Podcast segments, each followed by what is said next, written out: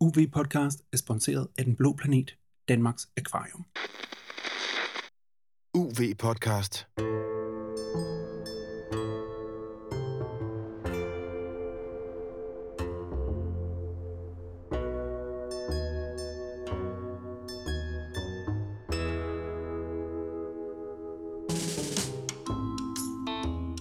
Velkommen til Universitetets podcast om undervandsjagt, fridykning og snorkling. Din vært er Morten Rosenvold Villassen, forfatter til bogen Undervandsjagt og forfatter til Hold vejret, en bog om fridykning. Morten har holdt vejret i 7 minutter og fridykket til 81 meters dybde og vundet Danmarks mesterskaber i både fridykning og undervandsjagt. Med i studiet er også Johan Vedel Nielsen, nordisk mester i undervandsjagt og 10 gange dansk mester og fiskerikonsulent i firmaet Aquamind. God fornøjelse. Velkommen til UV Podcast nummer 53.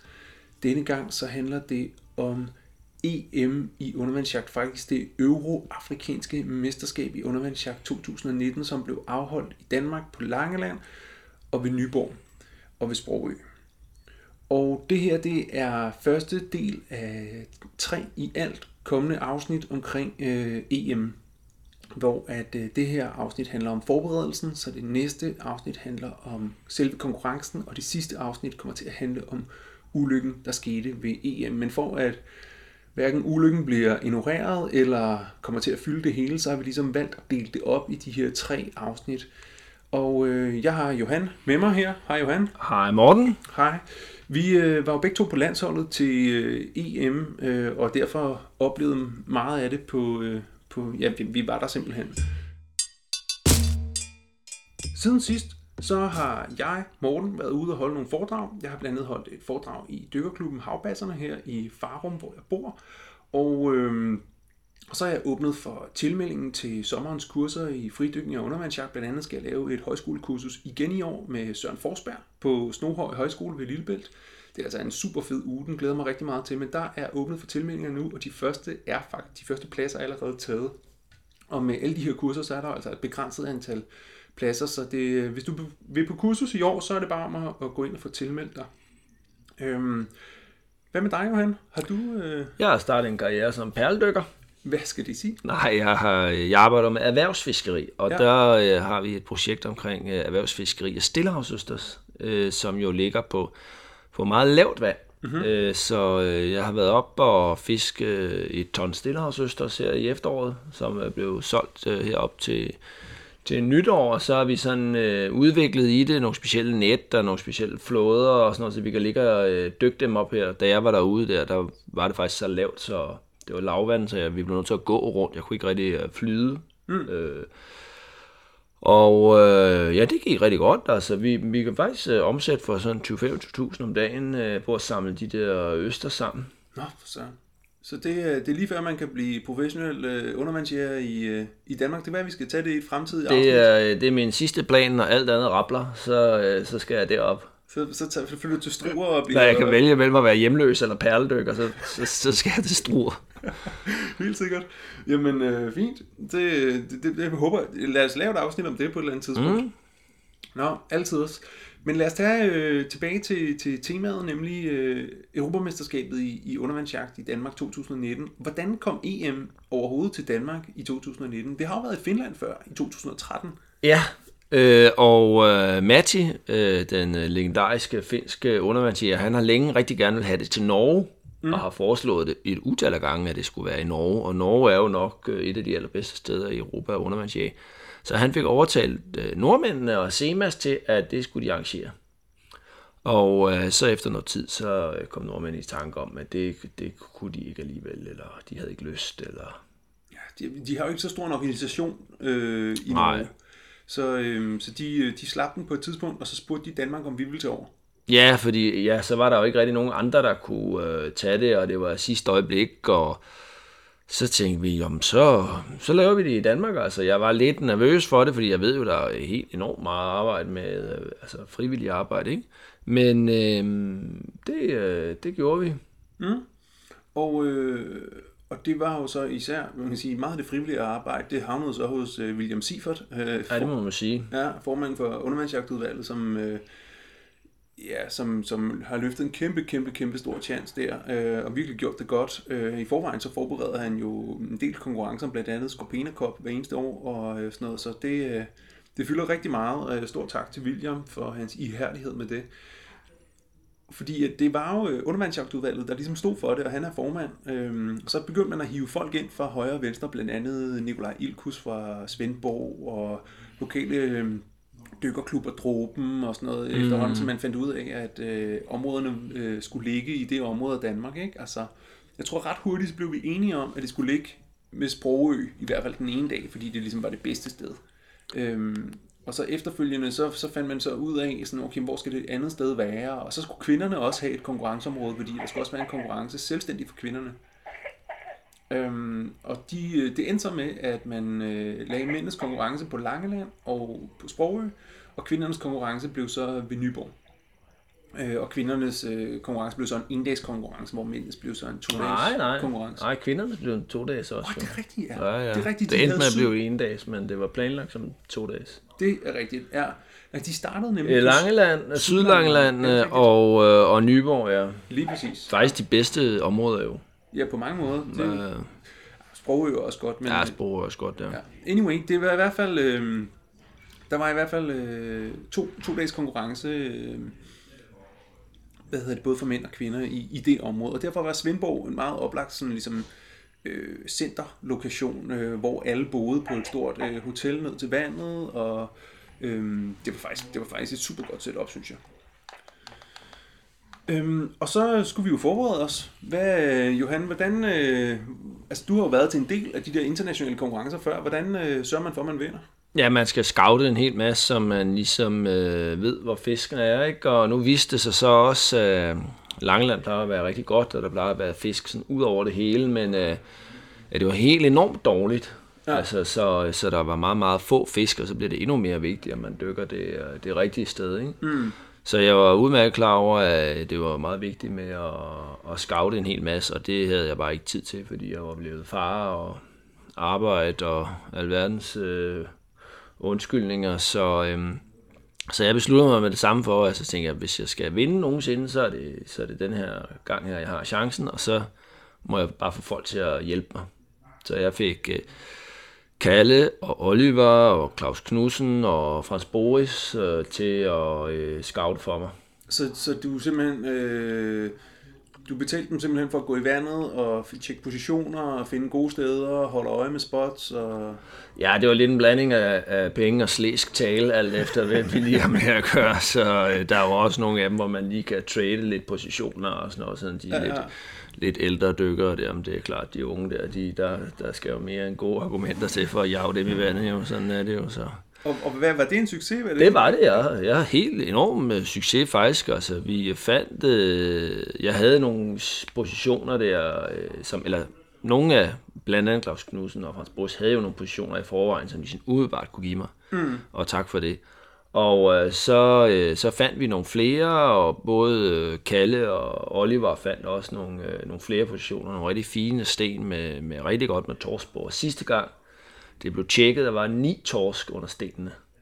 Altså samlet under øh, sam, Ja, ja. samtlige sten. Ja, ja, ja. Okay, ja. ja, så, så, torsk, ja. så det, tænkte, det, det var jeg rimelig... Øh, og ham der... Ja, man måtte jo kun fange fem, ikke? Så Jo, jeg tænkte, det går pissegodt det her. Og så fandt jeg selv også faktisk et, et virkelig godt sted med pikvar, hvor der var øh, tre pikvar, der lå helt tæt sammen, sådan en gruskant. Og øh, så, øh, da vi var ude og tjekke det, der var stadigvæk øh, pikvar, store sletvar og alt muligt. Mm. Så øh, jeg, jeg, Og man kan sige, det der ligesom er specielt ved den her konkurrence, altså fordi man kan sige, du har dykket på Langland hele dit liv, hvorfor har du ikke øh, et kort fyldt med røde prikker, du bare kan besøge? Men det er jo fordi, at man hidtil i Danmark ikke har måttet bruge GPS til mm, øh, sin, øh, til øh, mesterskaber og konkurrencer osv. Så, og i og med, at både du og jeg jo, vi har ikke dykket i, i, i Langeland, øh, i, altså, når vi dykker der, så er det som regel i forbindelse med en konkurrence. Ja, man har ikke GPS med, så man finder et rigtig godt Præcis. sted, så man er halvanden kilometer fra land i stærk strøm, og så siger man, øj, der er et vildt god sten her. Ja. Den finder jeg aldrig igen. Præcis, præcis. Så vi er faktisk på mange måder sådan ligesom handicappet lidt os selv ved at ikke have kunne have mulighed for at bruge GPS, fordi ellers ville, havde vi haft en masse fede positioner, øh, da det startede, øh, og vi besluttede, at man skulle afholde det i Langeland. Men, øh, men man må nemlig gerne bruge GPS i CMAS-konkurrencer, og det her mm. det var jo en international CMAS-konkurrence, og der var reglerne en lille smule anderledes, vil vi lige skal vende tilbage til på flere områder. Øhm, men blandt andet GPS gør en kæmpe forskel, fordi hvis vi nu kigger på italienerne og spanjolerne, så havde de været heroppe i flere uger. Måske Nej, ikke italienerne, faktisk. De havde været der en uge. Okay. Den for Spanien har været 14 dage. Ja, øhm, og gennemsejlet området med flere både, og haft, mm. haft en assistentdykker til hver, øhm, mm. hvad hedder det, landsholds... Øhm, deltager, sådan så at man ligesom kunne scoute dobbelt så meget per landsholdsmand, øh, og også sådan at, at de, de, de øh, hvad man, stjerneatleterne ikke skulle udmagre sig og udtrætte sig på at ligge og scoute en hel masse. Men de, var, men de har ikke valgt, hvem der skal dykke, når de scouter. Nej, det er rigtigt, ja. Så de er seks i bruttoholdet der, som, øh, som så scouter i øh, tre hold, ikke? Mm. Og så, øh, fordi, øh, det kan godt være, de har en fornemmelse, men det er først på selve, lige inden det er, det er selve landsholdet bliver udtaget. Ja, og man kan sige, at det er lidt forskel med spanierne og italienerne, hvordan de gør det, ikke? Mm. Øhm, jeg tror, italienerne kørte meget sådan holdagtigt, men det rigtige spanjolerne har den der sådan opdeling, hvor at ingen føler sig sikker på en plads i vandet til konkurrencen før lige op til, og så er det landstræneren, der sidder og beslutter alt efter, hvad folk har kommet med efterretninger, og hvad de har set, og hvilke positioner de har opnået, osv. osv. Mm. Nå, det er meget specielt, at de gør det på den måde. Og så er jo det, også som er lidt spændende ved, ved, ved Spanien, det er jo, at de ligesom gemmer alle positioner i landsholdets varetægt, så at sige. Så, de, så nu har de en masse positioner i Danmark, som så, hvis der bliver EM heroppe om 10 år igen eller sådan noget, så har mm. de allerede positioner klar og sådan noget. Og det har de så gjort til samtlige mesterskaber, de har været til i, ja, jeg ved ikke hvor lang tid, 20, 30, 40 år, et eller andet. Ja, ja, ja. Så de er ligesom sådan for, for mappet øh, ja, efterhånden hele verden jo, for fede undervandsjagtspot, og fordi de er så systematiske og ligesom har den erfaring, de har, så, så, så får de virkelig også præsteret godt, og det, det vender vi tilbage til med resultaterne, men det var, det var spændende at følge øh, italienerne og spanjolerne, fordi de gjorde så meget ud af scoutingen, og de gør det så meget anderledes, end vi gør. Mm. Øhm, holdet, landsholdet, det var jo øh, dig og mig, og så var det Thomas Brogaard, øh, som vi har nævnt tidligere i, i podcasten, en, en rigtig dygtig undervandsjæger. Og så var det Frans Boris. Øh, og Frans Boris og jeg, vi havde lige mange point til at komme på landsholdet, men fordi jeg havde flest point fra udtalelsesstævnet, havde fået en bedre placering der, så, øh, så var det altså mig, der ligesom var, var tredjepladsen, og han var fjerdepladsen, altså reserve. Vi har så ligesom lavet den ordning, at, at øh, reserven kom til at dykke på dag 2, altså Frans Boris kom til at dykke på dag 2, med mindre at samtlige tre danskere øh, placerede sig i top 20 efter dag 1 hvilket er usandsynligt med sådan et stærkt felt. Jeg tror, det næsten var 60 stykker. Ja, ja, vi skulle ikke, om det er usandsynligt. Det, øh, men det viste det sig jeg havde en stærk fornemmelse af, at vi ville klare det bedre, end vi så endte med at, ja, ja, fordi, gøre. Fordi jeg vil sige, da jeg hørte, hvad du havde øh, tjekket under stenene, hvad, hvad, da jeg hørte, hvad, hvordan at, at, øh, at du ligesom havde set øh, pikvar og alt muligt og sådan noget, og havde det der, så tænkte jeg, han kommer sgu til at vinde det der. Det bliver i hvert fald medalje til Johan. Det er jeg sikker på. Altså. Det var, ja, det troede jeg. Det tænkte jeg også. Da starten gik, så tænkte jeg, jeg vinder. Ah. det er jo vigtigt at tro på sig selv. Jo. Ja, helt klart. Altså, jeg synes også, du havde gode kort på hånden. Ja, ja. Problemet var jo bare alle de andre dykkere, men det vender vi tilbage ja, til. Ja, ja. Det er jo altid en ulykke, når der er andre. Men, øh... Hvordan med, øh, hvordan med øh, hvad hedder det, forberedelserne ude på Sprogø? Ja, der havde jeg også været ude, og øh, der, der havde jeg en hel del øh, positioner selv, og så havde jeg snakket med, jeg tør scout over så meget. Jeg ringer til, til alle, jeg kender, som dykker på mm. og spørger, hvad kender du, hvad kender du, hvad kender du? Mm. Og så var der nogen, øh, der havde nævnt noget om nogle lerhuler, og øh, så, øh, så, så ledte vi efter dem med sidescanner og fandt dem. Mm. Og det, det er nogle rimelig vanskelige nogen at finde, hvis ikke man leder efter dem og sådan noget. Så jeg tænkte, det er 100% sikkert, dem er der ingen andre, der finder. Og der var der var torsk i, og øh, der var ja, torsk på pillerne, og, øh, der, øh, og Kalle han var så ude, og der var ingen fladfisk på sproget. Så mm. Kalle var ude og scoute, og han fandt så, han sagde, det vælter rundt med store rødspætter her ude, og store skrubber og sådan noget. Så jeg følte virkelig, eller jeg havde også øh, øh, rigtig gode øh, spots øh, på sproget, altså. Mm. Det ene torskehul, det var på 19 meter på størrelse med en tennisbold, og så inden bagved, altså selve hullet ind i leret, det er sådan underligt, øh, der kommer huler i det der lær der. Og så inden bagved, så, så ja, der var bare kæmpe huler, altså var den der torsk, der så boede der, den stod sådan lige med hovedet ude der. Og, øh, og så når den smuttede ind i den hule, så var den bare uendelig dyb bagved. Det der torskehul der, det var virkelig et, øh, det var der heller ingen, ingen andre, der fandt. Nej, men øh, og jeg, hvad hedder det, jeg havde ikke, øh, altså min scouting, den, den foregik, øh, selvfølgelig har jeg erfaring for Langland og været til mange konkurrencer dernede, men jeg var også, øh, jeg var dernede to dage i forvejen, eller sådan noget lignende. Jo, to dage i forvejen, og lige dykke op til. Og der, øh, jeg havde fået en position for dig, som du ikke skulle dykke på, hvor jeg var henne, hvor jeg fandt en torsk, og jeg fandt faktisk en anden torsk i, i samme sådan stenbunke. Og, øhm, og så den anden dag var jeg ude. Men altså det generelle billede sådan lige op til konkurrencen, det var, at der ikke var torsk. Altså, Ja, det, der var meget lidt, ja. Der var meget lidt. Altså Ja. sådan virkelig overraskende lidt øh, i forhold til, at det var midt september. Øhm, Ja. Og man sådan normalt er Langeland bare mega godt i september. Altså, Ja, der var ingen, der stod frit. Altså Ingen. som i Ja. nul. Ingen. Og kun under sten. Ja, præcis.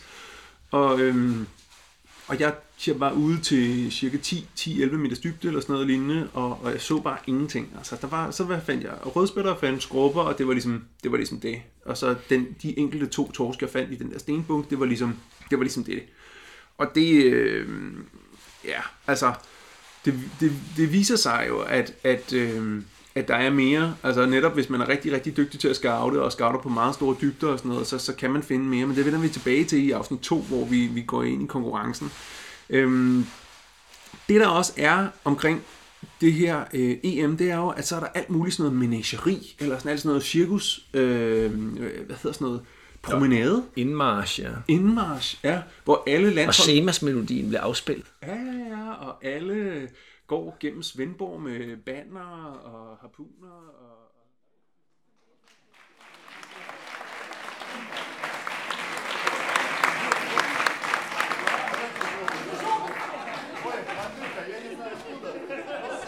Ladies and gentlemen,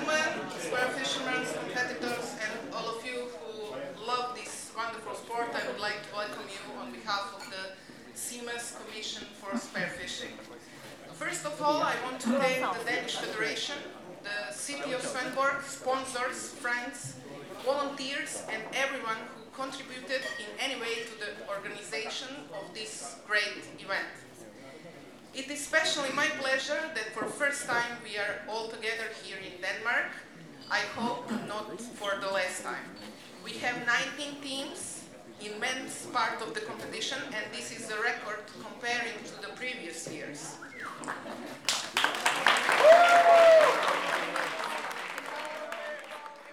Og jeg gik rundt mellem deltagerne, og nu kommer der sådan et super fedt klip, hvor jeg bare med, går rundt med mikrofonen åben. Så prøv lige at høre og tælle, hvor mange sprog, der ligesom bliver talt her. De snakker selvfølgelig alle sammen omkring øh, fisk- og undervandsjagt, men, øh, men prøv lige at, at tjekke det her ud. But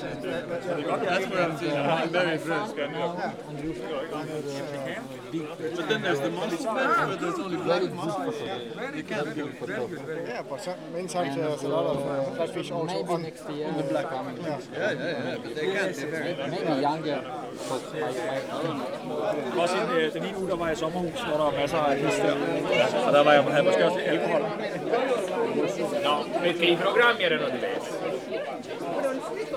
Naturama mezzogiorno, dopo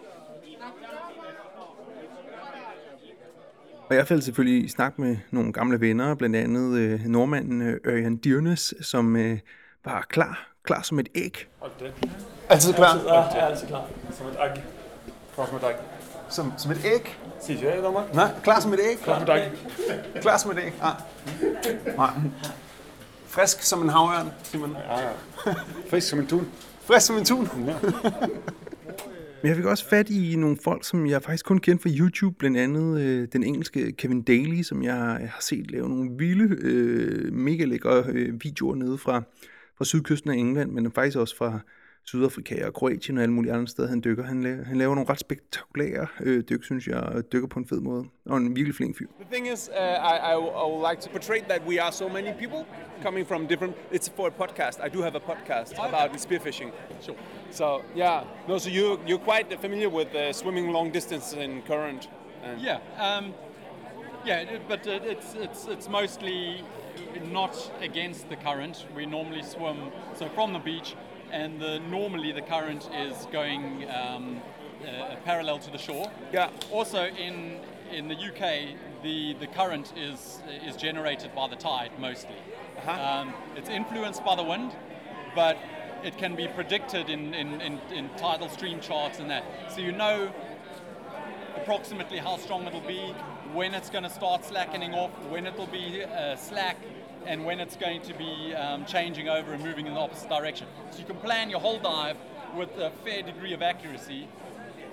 You know, in, in relation to, to, to what the what the tide's going to be doing. Yeah, it's not like that in Denmark. No, no, I've no we've noticed that. Yes, and uh, sometimes it's with the wind, uh, sometimes it's against the wind, um, and sometimes uh, further out it's with the wind, and closer inshore it's against. It's, uh, whatever. Yeah, yeah, it's a mess. change, yeah. yeah. And the thing is, like, we have like, um, uh, what, what can you say? Like, there, there's a direction which the current normally runs. Yes. So you have like nine out of ten days it will be northern northern going current because of the whole Baltic and all the rivers there and. Uh, Yes, it's trying to get out of the Baltic. Yeah, yeah. And then it's got the, the wind influence, but the wind influence will only last so long. It's only going to hold up that flow of, Yeah, yeah, of yeah. water for so long, and then it will change. But, so but, off. That's yeah, not but, but, but you, to no, no, no, and you will not see like a Dane trying to predict like uh, I mean we will look look in the like the weather charge and the, the, the current charge, and but it's not like we we uh, stick our thumb in the air and, and uh, try to predict anything uh, by ourselves. Yeah. Well, I mean I, I guess our best experience is that it's quite unpredictable and you just have to handle it. Yes, I think that's going to be a problem, especially on, on, on Langeland, because you can you can plan your whole dive and your sequence of, of, of, say, area that you want to follow. And if you assume that the, the current's going to be, you, you would obviously want to assume it's you know going to be carrying you towards where you want to be going. But if you go and swim in one direction, and actually it's going in the opposite direction to what you thought, you can waste a huge amount of energy. Yeah, and, and, time, and Oh, yeah, lose quite a few distance. Normally in Nangland, we, we, we always go out, we drift with the current, and we walk back. I mean, Mm. that's the normal Langeland style, which is not like working with these rules. No. So, so we, we sort of uh, have to adapt to that. Yes. Yeah. Yes, that, that does make it difficult that you've got to swim back. Yeah, yeah. The, the way you can, you, you know, the, all the way back to, to where you started. So Yeah. that is going to have a So have an influence. I'm, I'm, I'm hoping that it will be quite challenging for, for uh, the very uh, hardcore Mediterranean guys.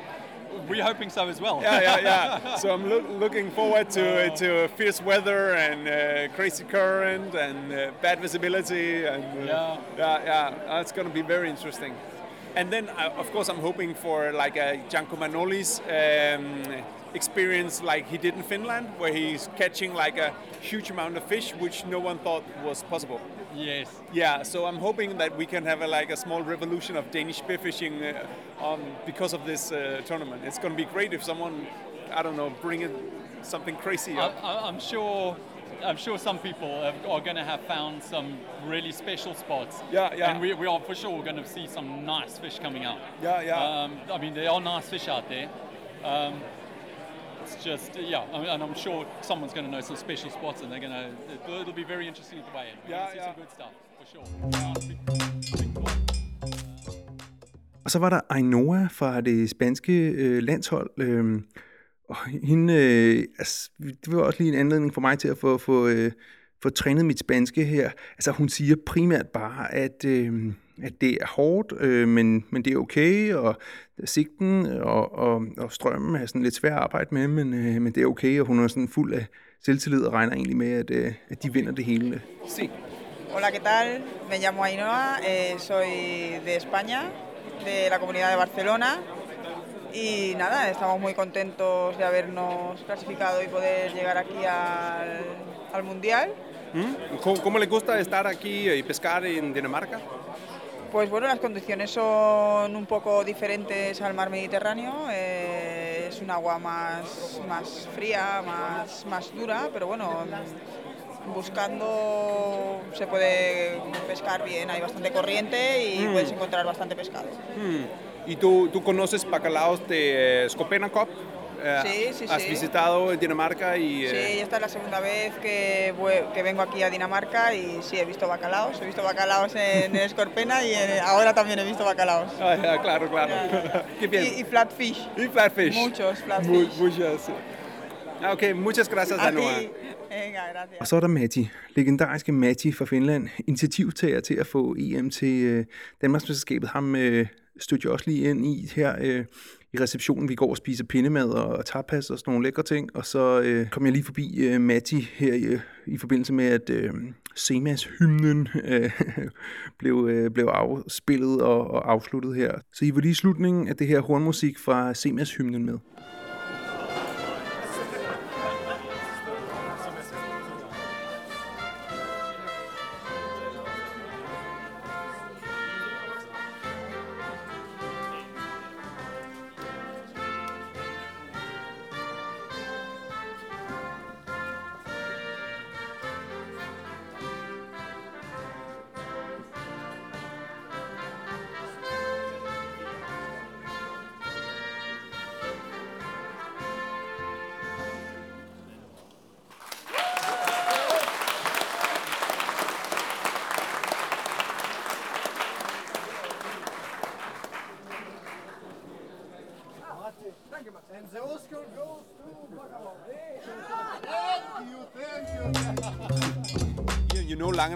Well as well. And Yes, and what we have done here, even the past years, we have do the scouting like kind of professional way, not really the Danish way that you just go a little bit and check something like a feeling style. We have done it many years already, checking. But still, I have to say, uh, when we have done it before, it have been a lot of much more caught. So now, like last Nordic, I did not do it very well because it was less caught. So it was really problem for me, a little bit of shock, because like in the bridge, I didn't see any swimming caught, only in the Mm. holes. It never been like that, so that's why I didn't do well. That was very good. So now I know when it's like that, I know a little bit better what to do. Hmm. So, uh, so what are you gonna do? Tomorrow I start from the Langeland and hopefully get one caught, and of course I try to get 10 flatfish. Yeah. And the bridge is the bridge, so that's Yeah, gonna yeah. be basic shit. Yeah, yeah, yeah. No, it's gonna be a really joker with the with the bridge. Yes. Okay. Um, just for the. Uh, do, do you do you re- recall? uh, Have you, what is your best position in the European? I've been sometimes uh, together like 14, and one day I was after eight or something. But, but I don't know. William, uh, no, Johan has the best position. He was in Helsinki number eight. So if some of us can be better, it's of course progress. But we are really working for the team because now it's as the coach in Langeland to Finland, we have. We are just team, team, team. We are Yeah, looking uh, at people going different places. We share all the information. We're scouting like totally as a team. And do you think that's the reason why the, the, the Spanish guy and the Greece guys they they all they done this for years and that's why they're so good?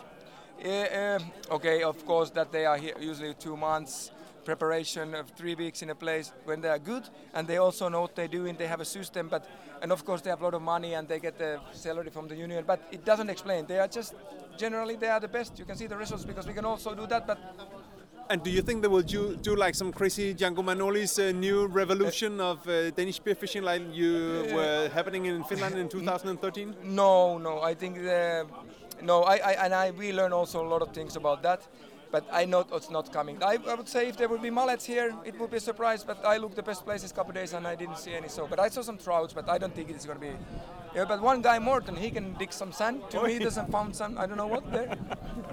yeah, thank you, thank you. Okay, good luck for everybody. Yeah, yeah. you th- too. yeah, thank you. See you, Martin. Øh, eh, hvad hedder sådan noget? Promenade? Indmarsch, ja. Indmarsch, ja. Hvor alle Og landshold... Semas-melodien blev afspillet. Ja, ja, ja, og alle går gennem Svendborg med banner og harpuner, og, og mm. folk stopper op alle mulige steder og ser på Det er faktisk de fleste steder, øh, jeg har været til EM og VM, der får man udleveret en blond dame, der bærer ens fane. Nå. Sådan en 22-årig øh, langbenet sag, der bærer fanen, så har hvert hold fået udleveret sådan en. Det er sådan lidt skørt. sexistisk, kan man sige, men øh, sådan lidt ligesom de der øh, til Tour de France, Ja, sådan kysser ky- vinder. Kyssepiger. Ej, Ja. hvor skørt sådan nogle fanebærer. Nå, okay. Nå, det vidste jeg ikke. Det, det var der altså ikke noget i Svendborg. Nej, det, det, det må vi lige klage til William over. Det, det ved jeg ikke lige om, hvad jeg synes om, men altså, det, øhm, det var der i hvert fald ikke. Men der var, der var alle de der, det var meget skægt, fordi så var for eksempel det øhm, tyrkiske landshold, og det, øh, alt muligt, de gik jo, øh, altså, det var meget, hvad hedder det, stereotyp, men, men, øh, men de, de begyndte at, at, hvordan var det? Nå ja, det var da vi gik forbi sådan et pizzeria eller sådan noget, så kom der jo folk ud og hæppede på tyrkerne, og folk, kom folk ud og hæppede på det for, for hvad hedder det, Tunesien, og Ja, ting, og så, det var rigtig sjovt. Sådan, så Så kunne de lige stå og, og hygge sig lidt der og snakke. Tyrkerne fik jo også hjælp af Murat fra øh, den øh, svenske, Det er faktisk meget sjovt. tyrkiske øh, immigrant, der Ja. ja. undervandsjæger, der, øh, der jo har rigtig, rigtig meget erfaring fra Langeland. Præcis. Han var der 14 dage. Ja, Morat er jo smadret dygtig, og, øh, og, og så lige pludselig, så øh, han har jo jæget med, med danskerne i mange år efterhånden, og, og så øh, og, og placerer sig altid super flot. Og han fik jo ikke plads på det tyrkiske landshold, det var lidt mærkeligt, og faktisk ikke. Nej, det var sgu lidt dumt. Men så kunne ja. han så få lov til at arbejde gratis 14 dage med at hjælpe med at scoute. Ja, det gjorde han så også rigtig godt. Sådan, og tyrkerne endte jo med også at, og, hvad hedder det, at fange fine fisk og være godt forberedt. og Ja, jo, ikke sikkert. Tilbage på hotellet, så pustede vi svømmebøjer op, og vi ordnede udstyret, og vi snakkede lidt om, ja, hvad undervandsjæger nu engang snakker om inden øh, en øh, stor konkurrence her. Øh, er det Thomas Brogaard, som har lidt bøvl med sin harpun? Smørmiddel til, til harpun? Ja. Ja, altså jeg har sådan noget vaseline, og så har jeg sådan noget O-ringsfedt. Og så ikke have noget glidemiddel. Ej, ikke sådan noget VD40 eller sådan noget. Nej, nej.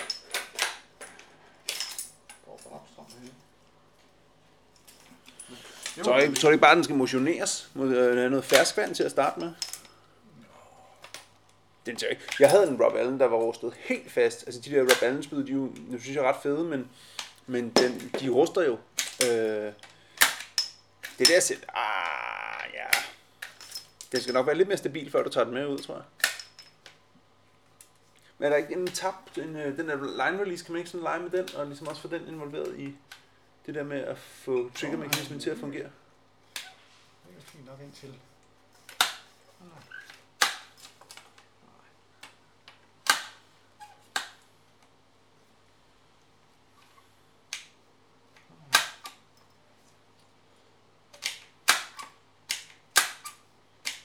Sikkert fint nok, det her. Nu er det næsten 10 ud af 10, ikke?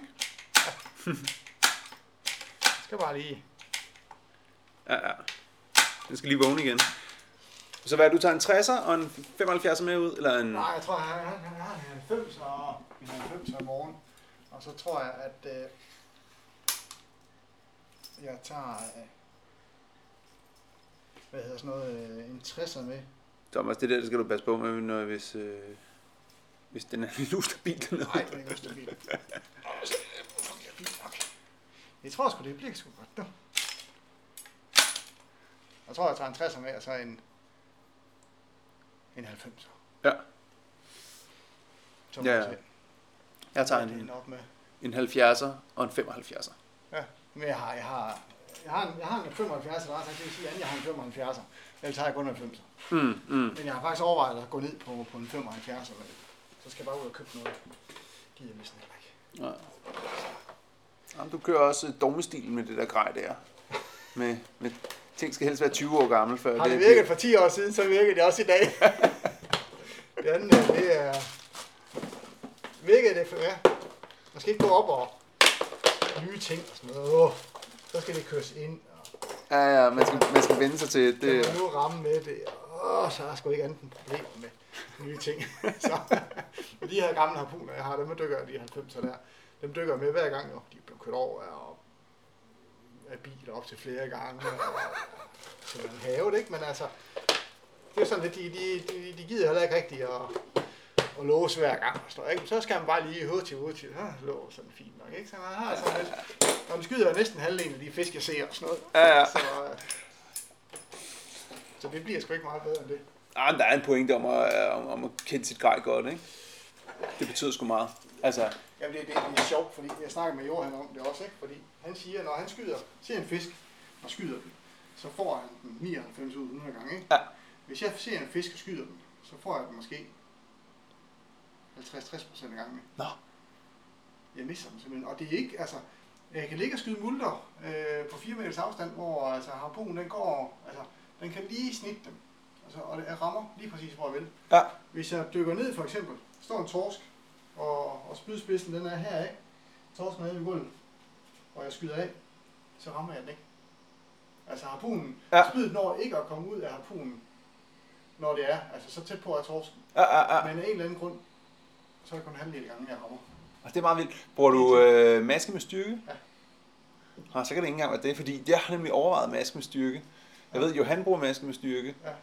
Men, Øhm, men, men det er sjovt, fordi altså, ligger jeg og sigter og sådan noget, ikke? Og, og jeg kigger på dem, og ned og horisontalt der, ikke? Ja, ja, ja. Så kan jeg ramme, så rammer jeg dem mange gange. Ja, ja, ja.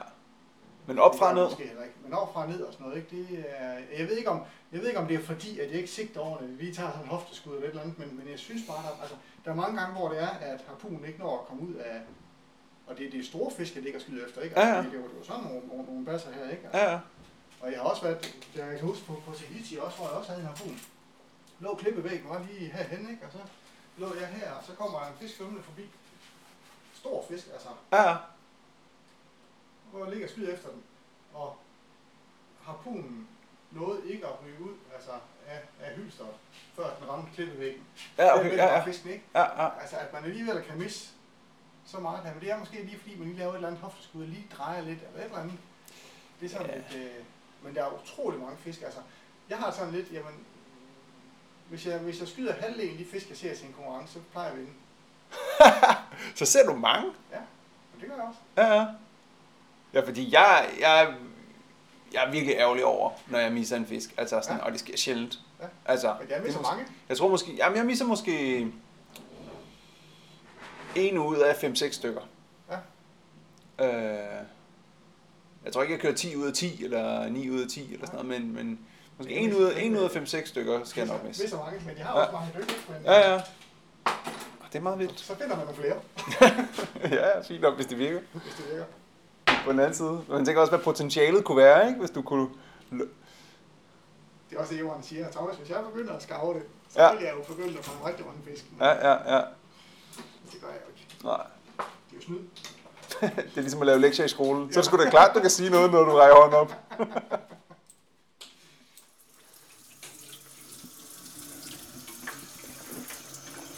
Nå, du har øh, hele medicinskabet med her. Ja, ja, ja. Jeg kommer lige fra lazarettet, du. Jeg har hostet i en uge og smitte mine børn med influenza, og så ligesom jeg skal afsted, så får de skidesyge, og min kone er skidesyge, og det er helt forfærdeligt. Jeg har lidt ondt i maven, så jeg ved ikke helt, hvilken vej det går. Ej, fint nok. Ja, vi holder, vi holder os på afstand. Mm, ja. Ah, shit, mand. Nå, Hvad, men du, kan du dykke? Kan du trykolin? Kan du... Ja, ja, ja, ja, ja, ja. Jeg har også været og købt noget næsespray, men jeg kan sgu ikke drikke trykkelin, når hvor snottet jeg er. Ja, okay. Men øh, der skulle være fisk in the secret spot. Oh, nå, det var ikke lige meningen. Secret spots. Det er et svagt punkt, der der. På øh, de der, øh, hvad hedder det? Ja, der gik min vandflaske i stykker. Nå. Ja, men så længe den er åben, så er det okay. Altså, så, så drypper den bare en lille smule. Den holder sådan ret tæt, selvom man ikke har den lukket. Jeg må også gøre. Jeg tror, den er faktisk skal gå i stykker. Brug, brug en tang i stedet for. Sådan. Nu kører det. Hvad med dig, Morten? Jamen, øh, jeg er frisk. Jeg har jo haft en hviledag i dag. Det har fandme været tiltrængt. Eller det har virkelig været tiltrængt. Ja, det er jo snyd. Og det er stadig en grim host. Ja, det har været meget værre. Det har været meget værre. Nu kan jeg trække vejret under hårdt. Ja, okay. Det er jo en fordel. Skal du låne en tang? Nej, jeg har en tænder. Nå, det ser meget rart ud, det der. Nej, nej, det er jo fint. Sådan, nu tror jeg, det er. Ja, nej, men... Øh, nej, men så jeg, har- jeg regner bare med, øh, hvis jeg kan lande øh, en, torsk. en, to torsk i morgen eller sådan noget, og så 10 skrubber, ikke? Kylling der. Øh, Eller 10, 10 fladfisk. ja. Det skulle nok blive godt. Uh, jeg har fundet et hemmeligt varsted. Ja, men det kunne jeg næsten forstå. Hvor øh, han havde været ude der og tjekke det, så havde der bare ligget en kæmpe sletvar. Ja. Og jeg havde to store sletvar faktisk. Ja, ja. Og det havde, da jeg fandt, der var der tre pikvar. Som også alle sammen holdt mål. Ja, det var på kilo, ikke? Det lyder helt fantastisk, altså. Ja, det er ligesom en sandkant på 10 meters dybde. Eller en gruskant på 10 meters dybde. 10 meters dybde? Og det er sgu meget vildt. Hello, så Johan. Hej, Thomsen. Fresh. Øh, nej, men... Men du skal med. ja, Så var ja. ikke Frans, han skal i vandet her første dag, og så... Nej, jeg overvejede det lidt, men så tænkte jeg, ah, det er alligevel også. Det er alligevel også for meget af det Det gode. er næsten være for godt af det. Ja, Han har jo alligevel regnet med, at han skal dykke søndag, kan man sige, ikke? Så ja, det kommer han jo nok til, jo. Ja, hvad mindre der er nogen, der er i Vi slutningen er alle sammen 20, bliver i top 20. Ah, det tror jeg sgu. Ja, vi har da lov at håbe. Ja, jeg, jeg tror ikke, der er nogen, der sådan for alvor stikker af med point. Øh, jeg må, måske gør du, hvis du ligesom har hul igennem med, med de der, hvad hedder det? Øh... Ja, man kan godt komme i top 20, selvom du ikke stikker af. Der bliver fandme tæt. Ja, det er også det, jeg mener, ikke? Der bliver mange, der kun fanger flade. Ja, præcis. Så der er ret stor chance, hvis du, hvis du kommer med 10 fladfisk, så tror jeg faktisk, du er i hvert fald den bedre halvdel. Altså 5 skrubber og 5 rødspætter. Thomas, jeg vil skubbe, fordi du kommer med 15 fladfisk. 15? Ja. Men vi skal ud af torsk også, jo. Ja, ja. Du skulle ikke afholde for at fange 15 fladfisk. ah. Der er, der er ikke blevet set ising overhovedet. Nej. Så det er skulle mærkeligt. være- Jeg synes faktisk, der plejer at være mange ising på Langeland.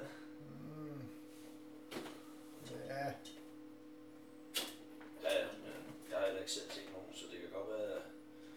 Men jeg synes, at jeg har fanget mange ising på Langeland. Ja, jeg glæder mig helt vildt meget. Har du taget en ørntvist med der? Ja, jeg tror, det den, jeg rostede op i. Kira så et andet lokal. Og sådan fortsat snakken sådan lidt endnu, indtil vi øh, til sidst faldt i søvn. Og så når vi dagen, og vi står i grad, og, øh, og vi skal til at dykke. Og øh, jeg kan huske selv, jeg, var, jeg, var, jeg står i vandet og taler til kameraet. Øh, jeg håber, det er tændt og sådan noget. Og sådan, jeg prøver ligesom sådan at, at for evigt det der sådan med, at nu, nu går starten om 5 minutter, nu går starten om 4 minutter. Og sådan, jeg er faktisk ret nervøs. Altså, jeg, jeg står sådan og snakker om, jeg glæder mig virkelig, virkelig til den første fisk. Altså sådan, det er ligesom om, Mm. når den første fisk er fanget, så får man ligesom ro på, og sådan, det skal nok gå og sådan noget. Og jeg vidste, hvor jeg skulle svømme hen for at finde. Jeg glædede mig bare sindssygt meget til at lige få skudt den første fisk, fordi så kunne man ligesom sådan slappe af med det og nyde det lidt mere og sådan noget.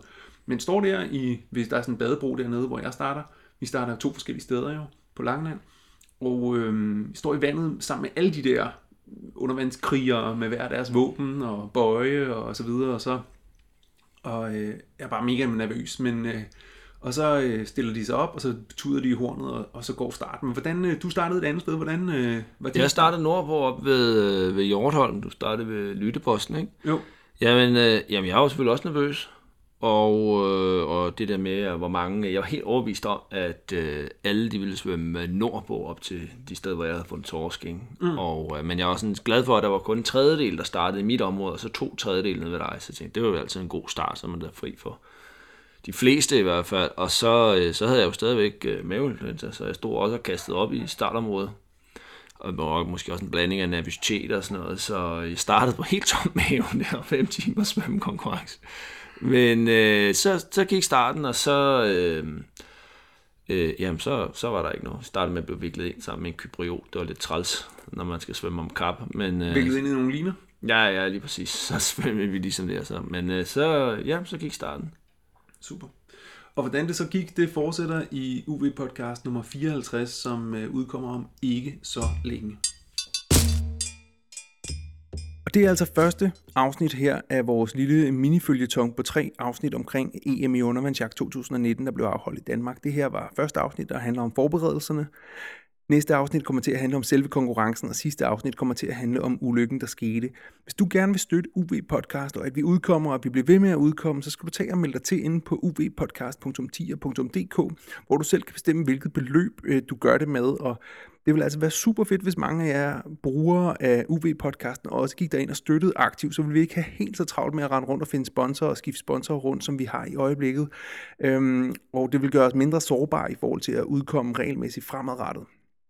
Vores sponsor i den her øh, ombæring, eller det, det her afsnit, det er Den Blå Planet, og Den Blå Planet er jo Danmarks Akvarium, og de øh, har simpelthen så mange ting derude, at jeg, øh, det er faktisk et stykke tid siden, jeg selv har været derude, jeg ved, de har fået havredder fra Alaska siden, så der er rig mulighed for at komme derud og gense nogle ting, eller komme ud og se de nye havredder, som man ligesom kan, kan, øh, kan se ude i Den Blå Planet, ude i Kastrup på Amager. Og ellers så er der ikke andet end at sige en tak, fordi du lyttede med. Tusind tak, fordi du lyttede til UV Podcast. Du kan finde links, fotos og anden info på uvpodcast.dk.